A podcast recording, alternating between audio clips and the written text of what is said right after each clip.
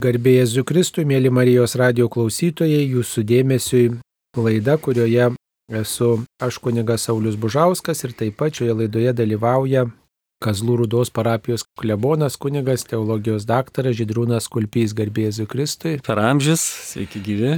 Taigi, mėlyjeji, šiandien, kai minime vėlinės, turime progos susimastyti apie iškeliavusius mūsų mirusius artimuosius ir taip pat tam tikrą prasme pasiruošti mirčiai, nes kiekvienos vėlinės, kiekvienos laidotuvės, kiekviena liūdna proga yra ne tik tai galimybė prisiliesti prie kitų žmonių mirties, bet turbūt ir neišvengiamai tą mintį apie mūsų pačių mirtį mums priartina. Štai ir jūs atsinešėt, mielas kunigė, čia į laidą tokią knygą Pasiruošimas mirčiai, kurią parašė šventasis Alfonsas Liguori Tai yra tokia klasika, klasikinis vadovėlis, kaip pasiruošti laimingai iškeliauti iš šito pasaulio. Jūs šitą knygą skaitėte, kokia mintis jums įstrigo, pasirodė svarbi šitos knygos, mhm. kuriai tikrai labai daug metų. Pirmiausia, tai reikia pasakyti, kad labai sunkiai gavau šitą knygą. Ir čia jos pavadinimas pasiruošimas mirčiai ir antra antraštė mąstymai apie paskučiausius dalykus. Trumpai tariant, man šita knyga labai patiko. Čia labai sveika doktrina. Čia tiesiog klasika, čia išbandytas autorius, šventasis Alfonsas Ligiori, tai tikrai pirmo iki paskutinio puslapio yra aukso fondas. Labai žavi, bet jinai yra kitokia knyga, ta prasme, kad jisai, toks vatriškus bruožas šito autorius, kad jisai tiesiai šviesiai sako dalykus, nevinioja į vatą. Pavyzdžiui, senai kalba išvaizda žmogaus, kuris yra vos tik miręs. Čia tokia senoviška truputėlį kalba, kadangi jis leistas prieš karą, antrą pasaulinį. Tai vad ir jis paaišo, kaipgi žmogus, kas su juo atsitinka per 24 valandas, ten spalvos, visą kitą, ten taip toliau, taip toliau, žinai, ir jisai parodo tą žiaurų vaizdą, kad viskas taip praeina, viskas taip trapu iš tikrųjų. Ir belieka pagrindinis dalykas šitą trumpą laiką, kol mes šiandien žemėje turime pasiruošti būsimajam gyvenimui. Ir per mirtį, kaip per tą gimimą, žengti į naują gyvenimą. Ruoštis šitai atsakingai misijai. At būtent, kaip konkrečiai kalbant, tai rūpinti savo sielos išganimu. Štai pagrindinis dalykas. Ir jisai pasakoja čia apie kaip kovoti su nuodėme, kas laukia apie teismą, kaip bus teisiami žmonės, apie pasaulio tuštybę, apie laiko brangumą, apie mirtinų nuodėmių baisumą, apie Dievo gailestingumą, apie pragarą. Kita tema labai jau čia jautri tema - apie pragarą. Vat atsimenu, mes keletą kunigų buvom susirinkę kalbėjimais, sako, kaip jums sekasi pamokslauti, vat vienas, sako, ar kalbė apie pragarą. Aš įsi savo pamoksluose. Tai kitas kunigas sako, aš vieną kartą metuose Tik vieną kartą savo pamokslę paminėjau pragarą.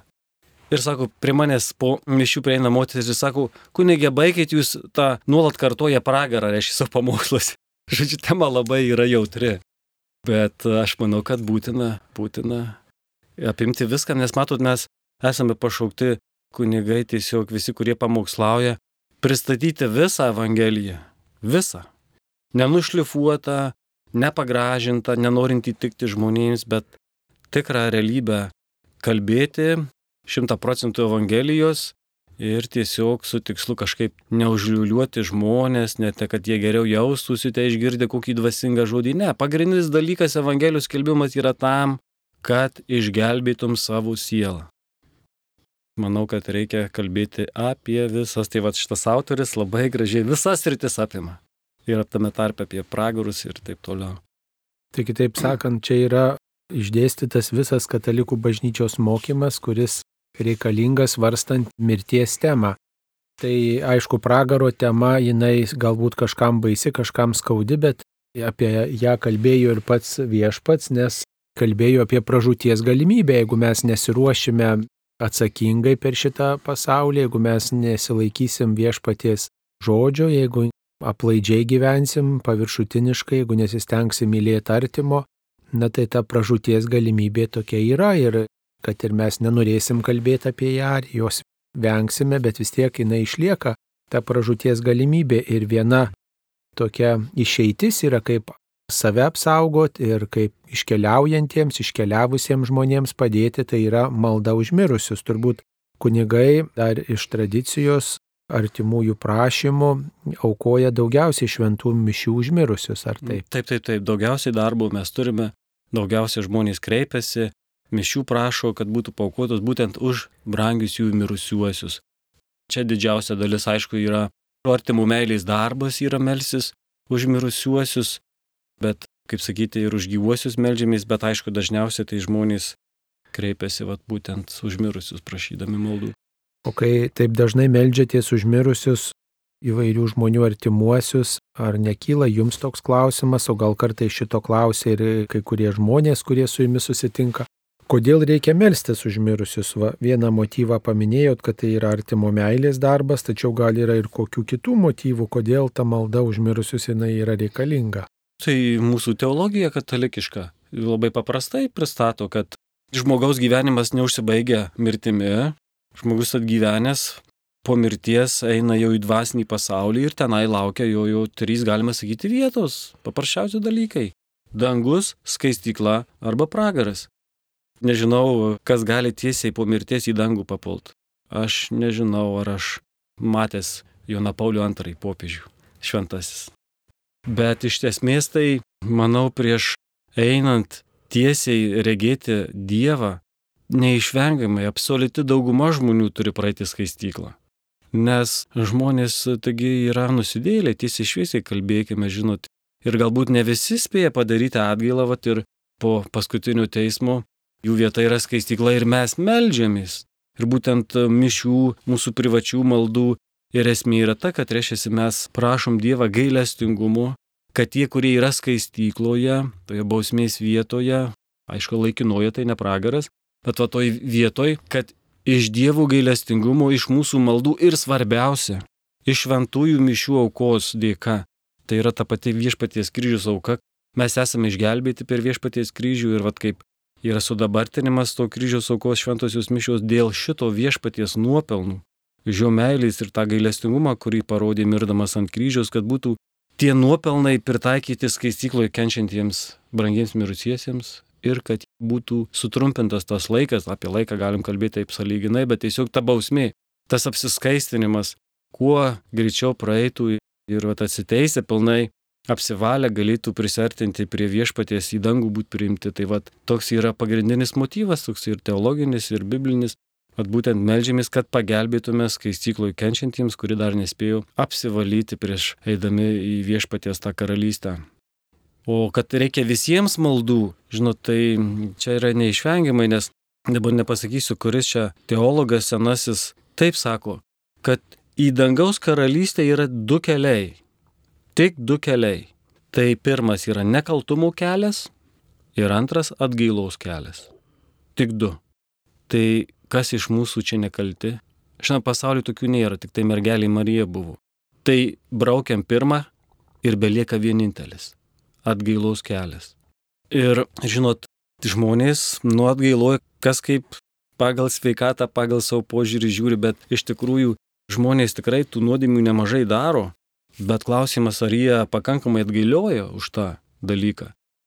Tai jeigu žmogus prisidirbęs rimtai nepagalvos apie atgailą, apie gerus darbus, nu, tai būtinai melsis už tokius žmonės. Ir Dieve duok, kad būtų nu, apsivalę nuo tų esminių dalykų, kas yra mirtinos nuodėmės, sunkios nuodėmės. Ir tada va tą atgailą esam pašaukti daryti ir kas nesuspėja pilnai ten atsiteisti už savo nuodėmės, tai va ir mes melžiamės už skaistyklos sielas, mišių auką aukojame, siunčiame viešpaties gailestingumui. Ta va tokia yra prasmė. Dar vienas dalykas tai yra, kad malda užmirusius mus pačius turbūt ruošia dangaus karalystė, nes mes patys tokiu būdu tikėjimą amžinuoju gyvenimu, tikėjimą prisikėlimu turbūt išpažįstame, ar ne taip? Taip, taip, labai teisingai pasakyta. At kaip ateina žmonės į šventasis mišes ir jų gana nemažai ateina, aišku, priklauso nuo šeimos ten dydžio giminės, bet iš tikrųjų ateina ir aš matau, man kaip kunigui ir aš manau jiems patiems tai yra liūdėjimas. Liūdėjimas, kad jie tiki, kad mirtis neužbaigia žmogaus gyvenimu, kad jie tiki prisikėlimą, kad žmogus neišnyksta, netampa amžinų grobių mirties, bet vat iš tikrųjų mes tikime, kad žmogus neišnyks, iš Dievo gailestingumo gyvena ir tikrai yra gražus liūdimas. Vat mane labai tai džiugina gausus parapiečių rinkimasis į tas gedulinės pamaldas. Aišku, Dievo duota tokia dovana tas tikėjimas, bet vis tiek žmogus ir natūraliai kažkaip supranta, kad nu negerai, kažkas čia, ta mirtis nenatūralu yra. Taip neturi būti. Ir mes tą išpažįstame, kad vis dėlto Dievo gailestingumas stipresnis už mirtį, ta meilė stipresnė už mirtį, va ir mes tos meilės vedami ir melžiamės, tikime tuo amžinu gyvenimu. Daugelis žmonių turbūt bažnyčion neteitų ir nepasakytų, kad tikiu Jėzumi, tikiu amžinuoju gyvenimu, bet ateina iš solidarumo su savo artimaisiais, kurie jau yra iškeliavę ir tą priima kaip būdą parodyti pagarbą savo mirusiems artimiesiems, peržengia bažnyčios lengsti. Turbūt kunigė matot, kad sėdi nedrasiai paskutiniuose bažnyčios suoluose, susikimšia į vieną suolą, nors galėtų erdviau atsisėsti ir nejaukiai jaučiasi, nežino, kaip čia dalyvauti tuose pamaldose, bet atėjo, nes giminės pakvietė, nes jų šeimos ar giminės narys yra minimas tuose mišiuose, už jį melžiamasi ir galbūt vat, kunigo žodelis, ta aplinka, ta nuotaika prakalbina tokį žmogų.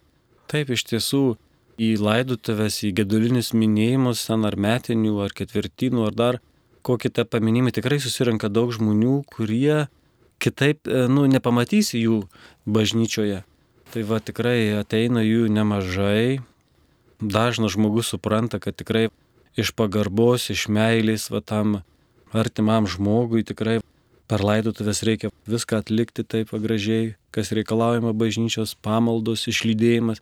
Tikrai ta pagarba, taip supranta, tam mirusiam žmogui. Taip ir mums yra proga na, liūdyti, priminti Evangeliją, skelbti tikėjimą iš tikrųjų apie amžinai gyvenimą.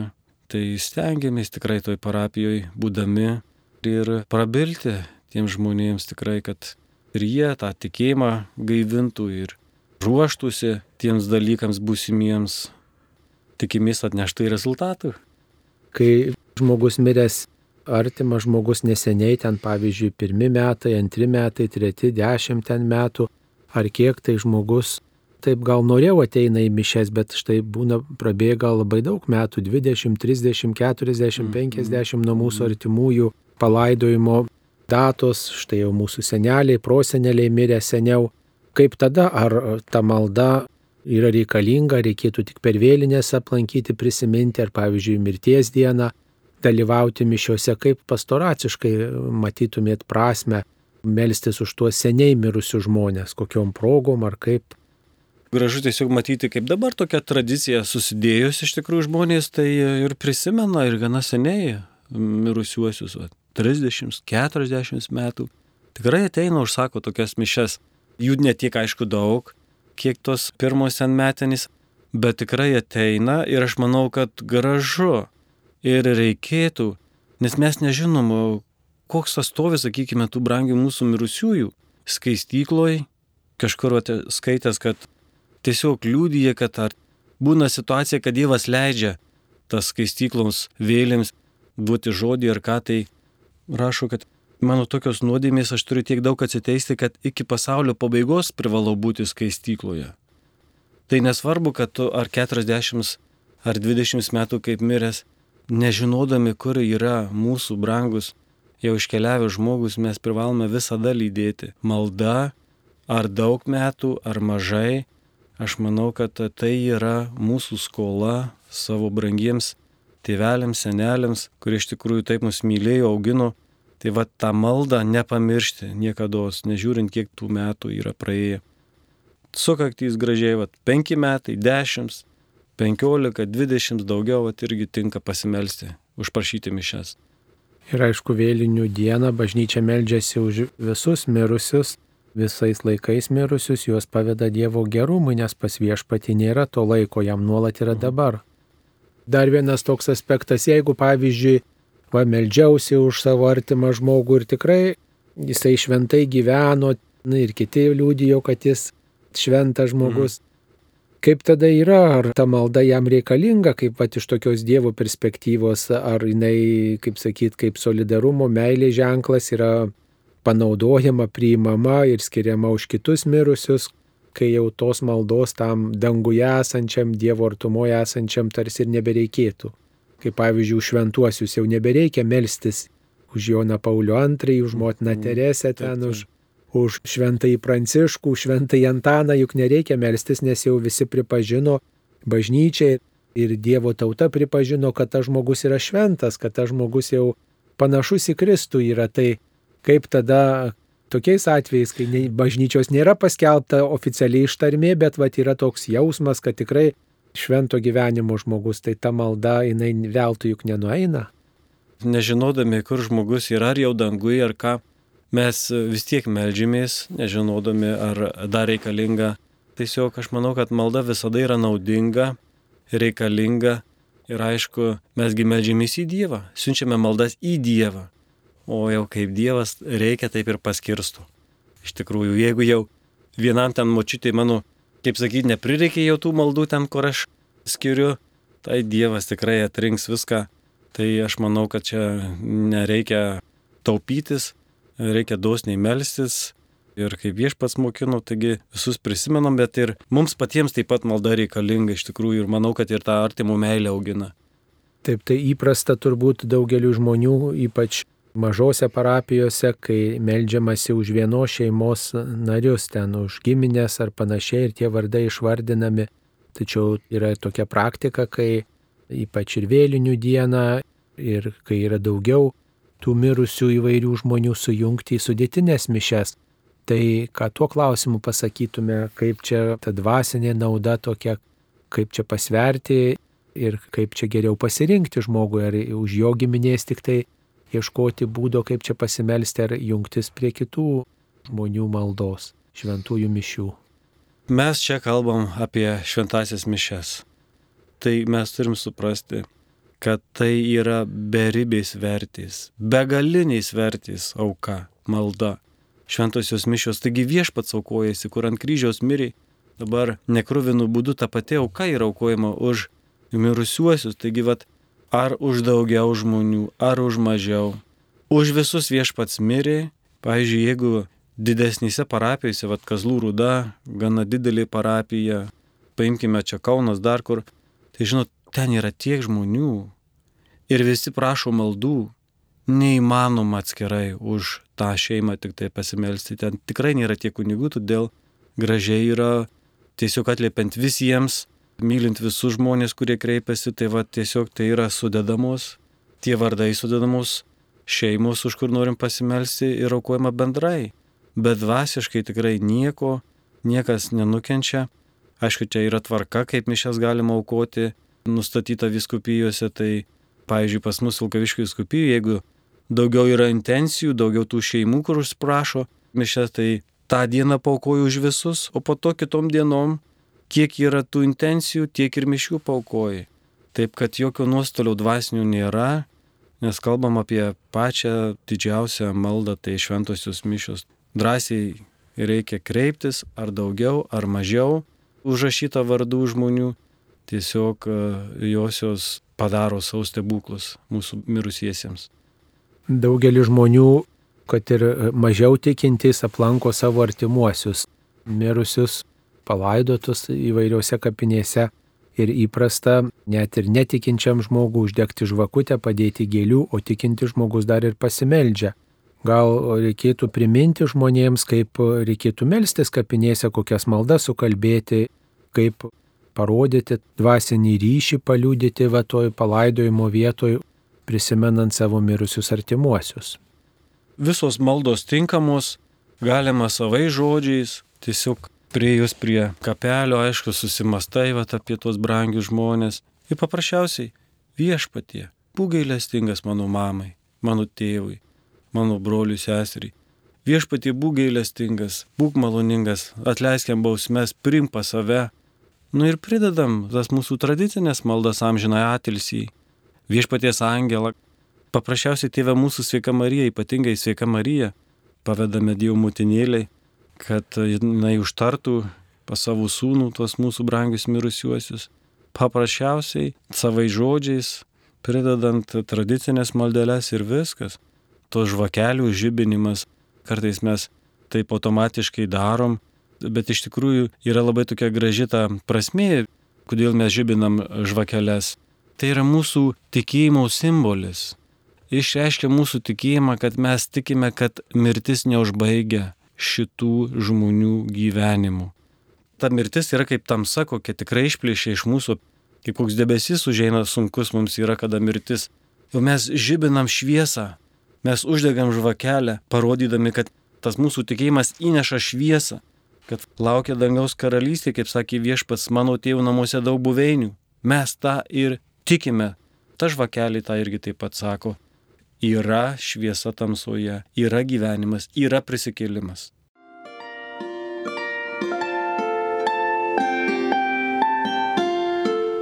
Jūs girdite Marijos radiją.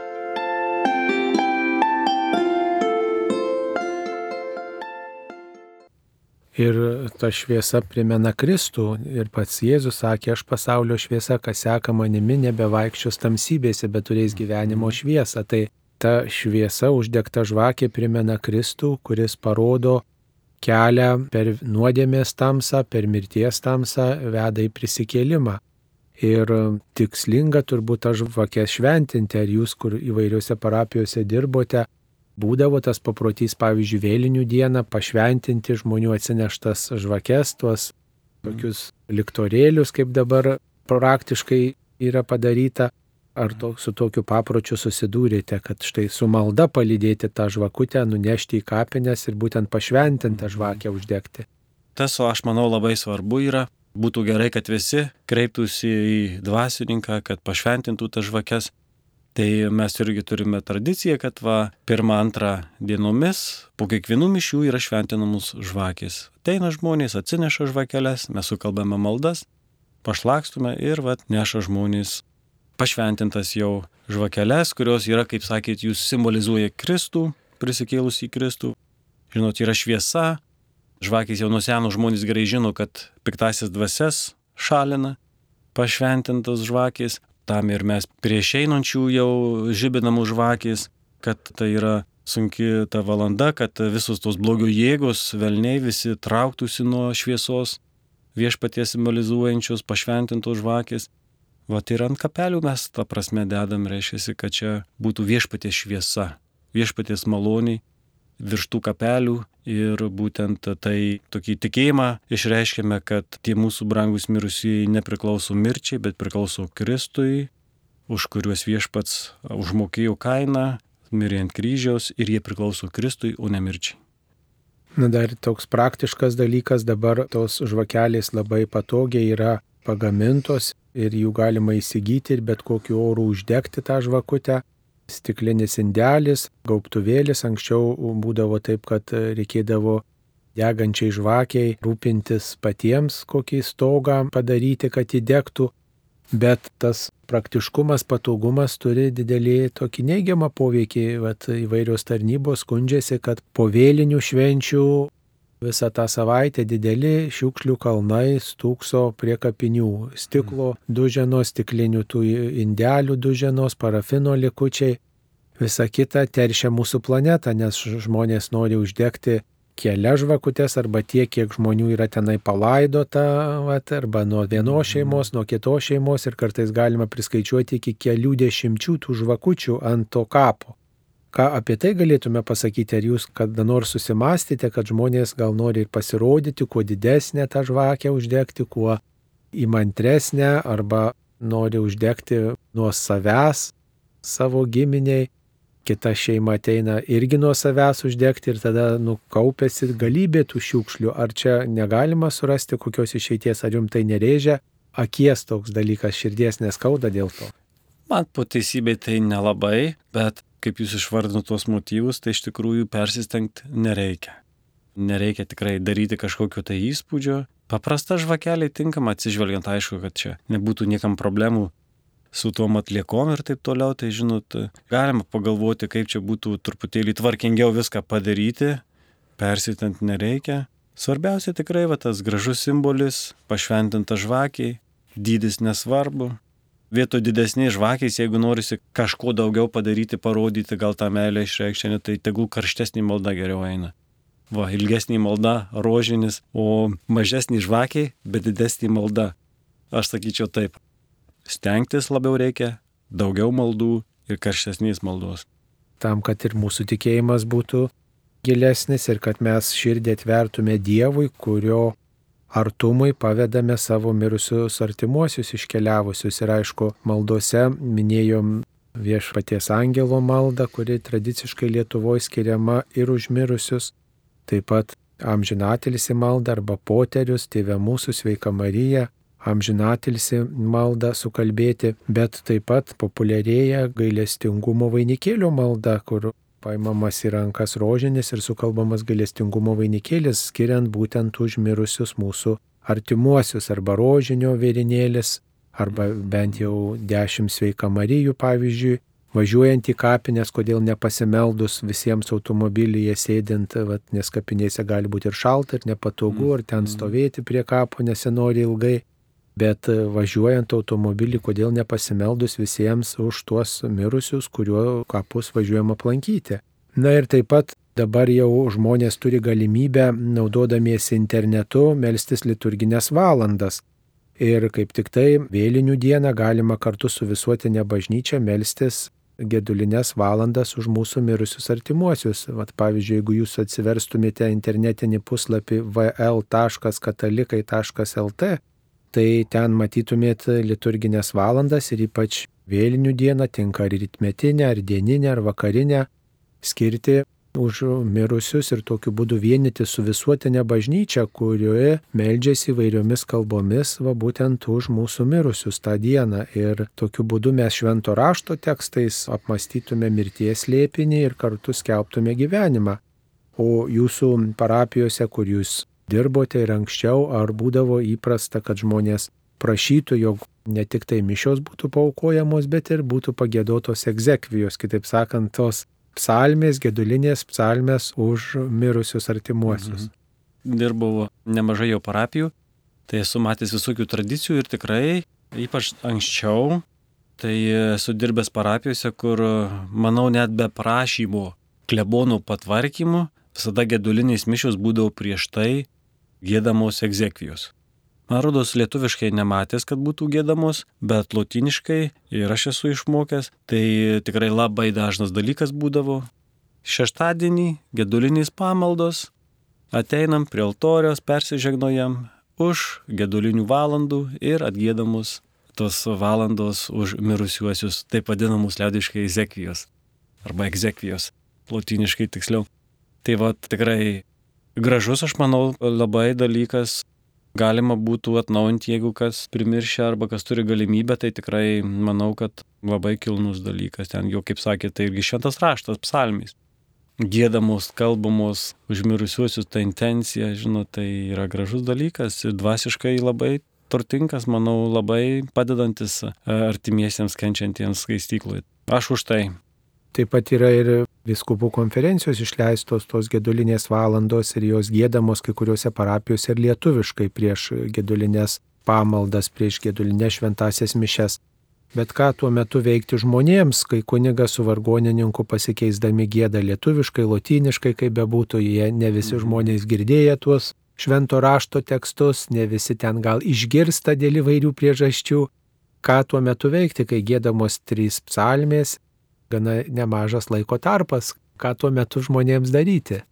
Tose parapijose, kur būdavo gėdamos egzekvijos, tai kunigai eina gėdoti su vargonininku tas egzekvijas psalmes ir pasako žmonėms, mes dabar vat gėdosime, o jūs už savo mirusiuosius tris poterius kalbėkite.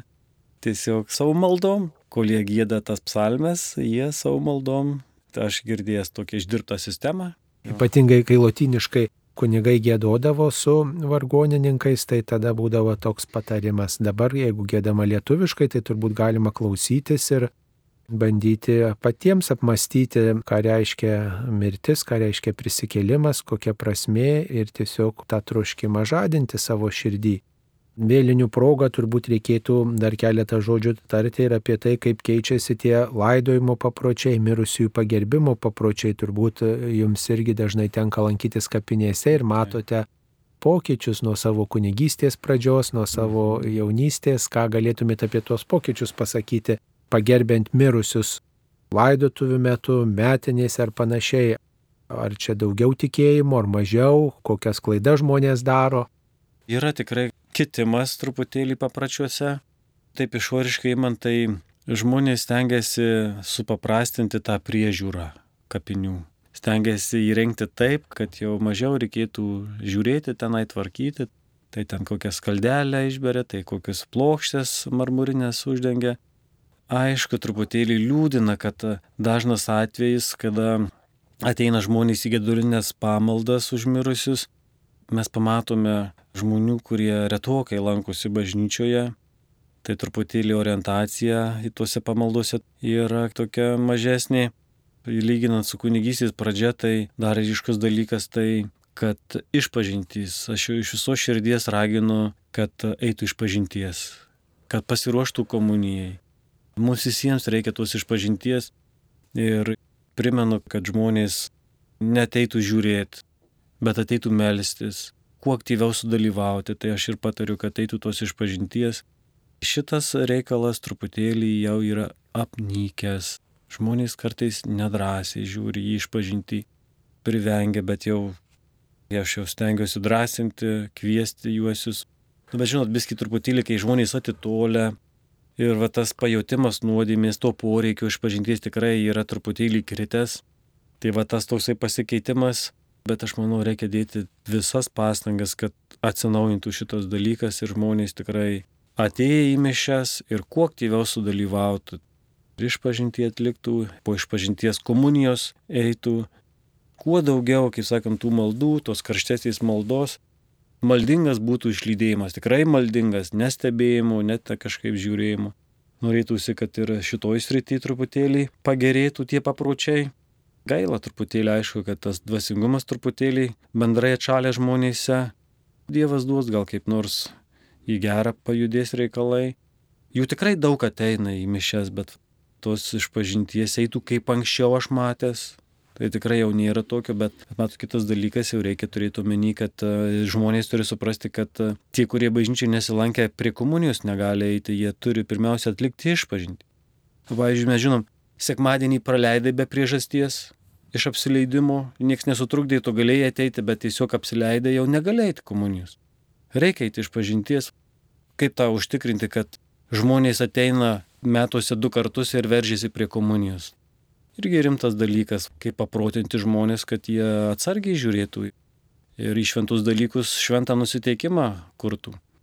Na, o ką pasakytumėte apie maldas prie mirusiojo kai dar yra tas paprotys pašarvoti ar vieną naktį, vieną parą ar dvi paras, kada dar būdima bent dienos metu prie mirusiojo, ar tai būtų urna, ar tai būtų vėlionės pašarvotas karste, dar įprasta gal prašyti, samdyti gėdorius, kad gėdotų, gėdotojus, kažkokią ansamblį, kažkokią grupelę, maldininkus. Ką apie tai manote, koks jūsų požiūris į šitą va tokį paprotį? Aš už labai gražus paprotys, rožinis stebuklus daro. Ir kai yra pašarvoti mirusieji, labai jau gražu būtų, kad būtų pakviesti gėduotojai ir būtų ar ten kalbamas, ar gėdamas rožinis. Tik tai vad reikėtų vieną dalyką pastebėti. Matot, mes kalbam, kad mums reikia mirusiajam maldų. Mirusiajam nereikia koncertų. O gal mums kažkiek padėtų, žinai, viski užsimiršti ar ką kaip tenai kviečiami gėdotojai, kurie ten koncertus tipo daro, žinot, tokius jau giesmelės gražias parenka. Bet svarbiausia, kad tai būtų dvasiniai nauda mirusiai. Mes čia renkamės rožinį gėdoti, kalbėti, kad mirusiam būtų nauda. Tai vad ir galima aišku pasirinkti tuos gėdotojus, kur tikrai žinom, kad būtų malda, kad jie tą maldą siūstų. Jeigu įmanoma, kad tie gėdotojai būtų tikintys bažnytiniai žmonės, Nes jeigu žmogus gyvena pašvenčiamui maloniai, tai tada jau malda yra stipri. Parengti tuos gėduotojus, bet tai graži tradicija. Bet dėja reiktų pasakyti, kad kintanti, Čia aišku, iš savo perspektyvos galiu kalbėti, iš savo patirties, kitose parapijose galbūt kitaip, bet jau mažėja kvietimų rožančių gėdoti. Kartais prašo tie artimieji, kad rožančių pakeisti kažkokiom parinktom giesmelėm. Dažnai tai būna. Bet tai, brangiai, va šito nereikia pamiršti. Rožinis, rožinis, Marijos pažadai yra. Kas myli rožinį, kas kalba, rožinį va reiškiasi, bus apsaugotas ir taip toliau. Tai va ir mes ateiname prie mirusių su rožiniu. Net žiūrėkit, į rankas įdedam rožinį. O jeigu nekalbėjo tas mirusysis niekada to rožinio, kam ten į tas rankas kišti? Tradicija. Jeigu žmonės nori, nereiktų tradicijos laužyti, bet iš tikrųjų tai va tai klausimas tikrai kyla, jeigu jisai jo nesinaudojo, kokia prasmė yra iš tikrųjų. Ar negeriau dar užuot gėdojus tą rožinį kažkokiai grupeliai, kuri yra nusamdyta, ar negeriau, kad visi žmonės pasimelstų, pavyzdžiui, nors vieną rožinio slėpinį, nors dešimt sveika Marijų, bet visi kartu sukalbėtų, va taip sukalbėtų, tėve mūsų, dešimt sveika Marijų, garbė Dievui tėvui ir vat užmirusi, bet visi įsijunkim sąžiningai. Ir tada visus žmonės įtraukė, kurie susirinko, visus, kad jiems, jeigu rūpi tas mirusis, jeigu rūpi artimieji, kurie liūdi, kurie sutrikę, kurie gedi. Ar negeriau vat, tokiu būdu įtraukti, kad žmonės tikrai patys dalyvautų, kad tai būtų ne kažkokio ansamblio, grupelės atliekama malda ar programa, bet tai būtų pačių žmonių iš širdies kylantis šauksmas. O aš pilnai pritariu Taip, žinokit, bendra malda rožinių apjungianti visus. Ateini, dabar kalbėkime bendrai rožinį, paimam rožinius ar kažkas veda iš tikrųjų. Gal lyginti nereikia, nes ir to ir to reikia. Atėjus su gėdojo, kol jų nėra, kalbam rožinį. Ir to ir to, manyčiau, kad reiktų, bet tikrai reikėtų paryškinti, ką jūs pasakėte. Bendra malda, mūsų bendra malda rožinio labai nuostabus dalykas. Ir dar prisiminiau vieną dalyką apie pasikeitimus tuose tradicijose laidojimo. Gana ryškiai pastebėjau, kad populiarėja kremacija. Man nepatinka, aš pasakysiu, atvirai šitokios tradicijos. Aišku, ten jau galima pagal bažnyčios įstatymus viską daryti, bet... Kodėl nepatinka, o kitam patinka, nu ir ką dabar, vienam patinka, kitam nepatinka. Koks čia argumentas būtų? Yra paprastas. Mes krikščionys Kristaus sekėjai Norime būti palaidoti panašiai kaip mūsų išganytojas. Jį paguldė į kapą. Ir mes stengiamės visą gyvenimą sekti viešpačiu. Tai ir šitoj srity gražu yra pasilaidoti taip paprastu tradiciniu būdu. Ir tikrai krenta į akis tas toks populiarėjimas ir man išaiškino tų, žinai, šarvojimų įmonių darbuotojai, kodėl jis labai populiarėja. Per pusę maždaug pigiau. Ten nereikia to, to nereikia, žinai. Aš kartais ir paklausiu žmonių, kaip nusprendėt. Kartais žmonėm ar patogiau ar ką, bet aš galvoju, nereikia skubėti, nereikia skubėti, galvoti apie urnas, bet tiesiog, jeigu įmanoma, tradiciniu senoviniu būdu palaidoti žmogų, bet aišku, yra ir priežasčių, jeigu reikia kur nors transportuoti, arba kapeliuose nėra vietos, priežastys rimtos, tada viskas tvarkoja, bet persistengti nereikia šitoj srityje, aš manyčiau, ir žmonės turėtų tą žinoti, kad čia tie dalykai, sako, žinai, bijom, kas dedasi ten žemėje, žinai, su kūnu. Pasidomėjus, kas dedasi ten tam krematoriume, irgi vaizdelis nekoks. Kaip galėtume apibendrinti šitą laidą, kalbėdami apie mūsų mirusiųjų pagerbimą? Kas būtų svarbiausia, kaip Jūs manote? Kas svarbiausia, tai nepamiršti maldingai mirusiųjų, nuolatos siūsti maldeles ir nepamiršti taip pat, kad kažkada ir mums reikės praeiti pro tą tamsią valandą mirties ir rimtai ruoštis, žiūrėti, kad mes savo tam gyvenimo kelyje nepražudytume sielos amžinosios, o galvotume apie tai, kad reikės mirti, reikės stoti į teismą Dievo, duoti ataskaitą, taip gyventi, kad būtume verti Dievo. Mėly Marijos radio klausytojai, šioje laidoje dalyvavo kuniga Židrūnas Kulpys, jis yra Kazlų Rudos parapijos klebonas kalbėjo apie mirtį, kaip reikėtų pagerbti mūsų mirusius ir patiems ruošti susitikimui su Dievu. Jį kalbino aš kunigas Saulis Bužauskas visiems ramybės, taikos ir vilties apmastant mirties lėpinį. Ačiū sudė. Sudėjau.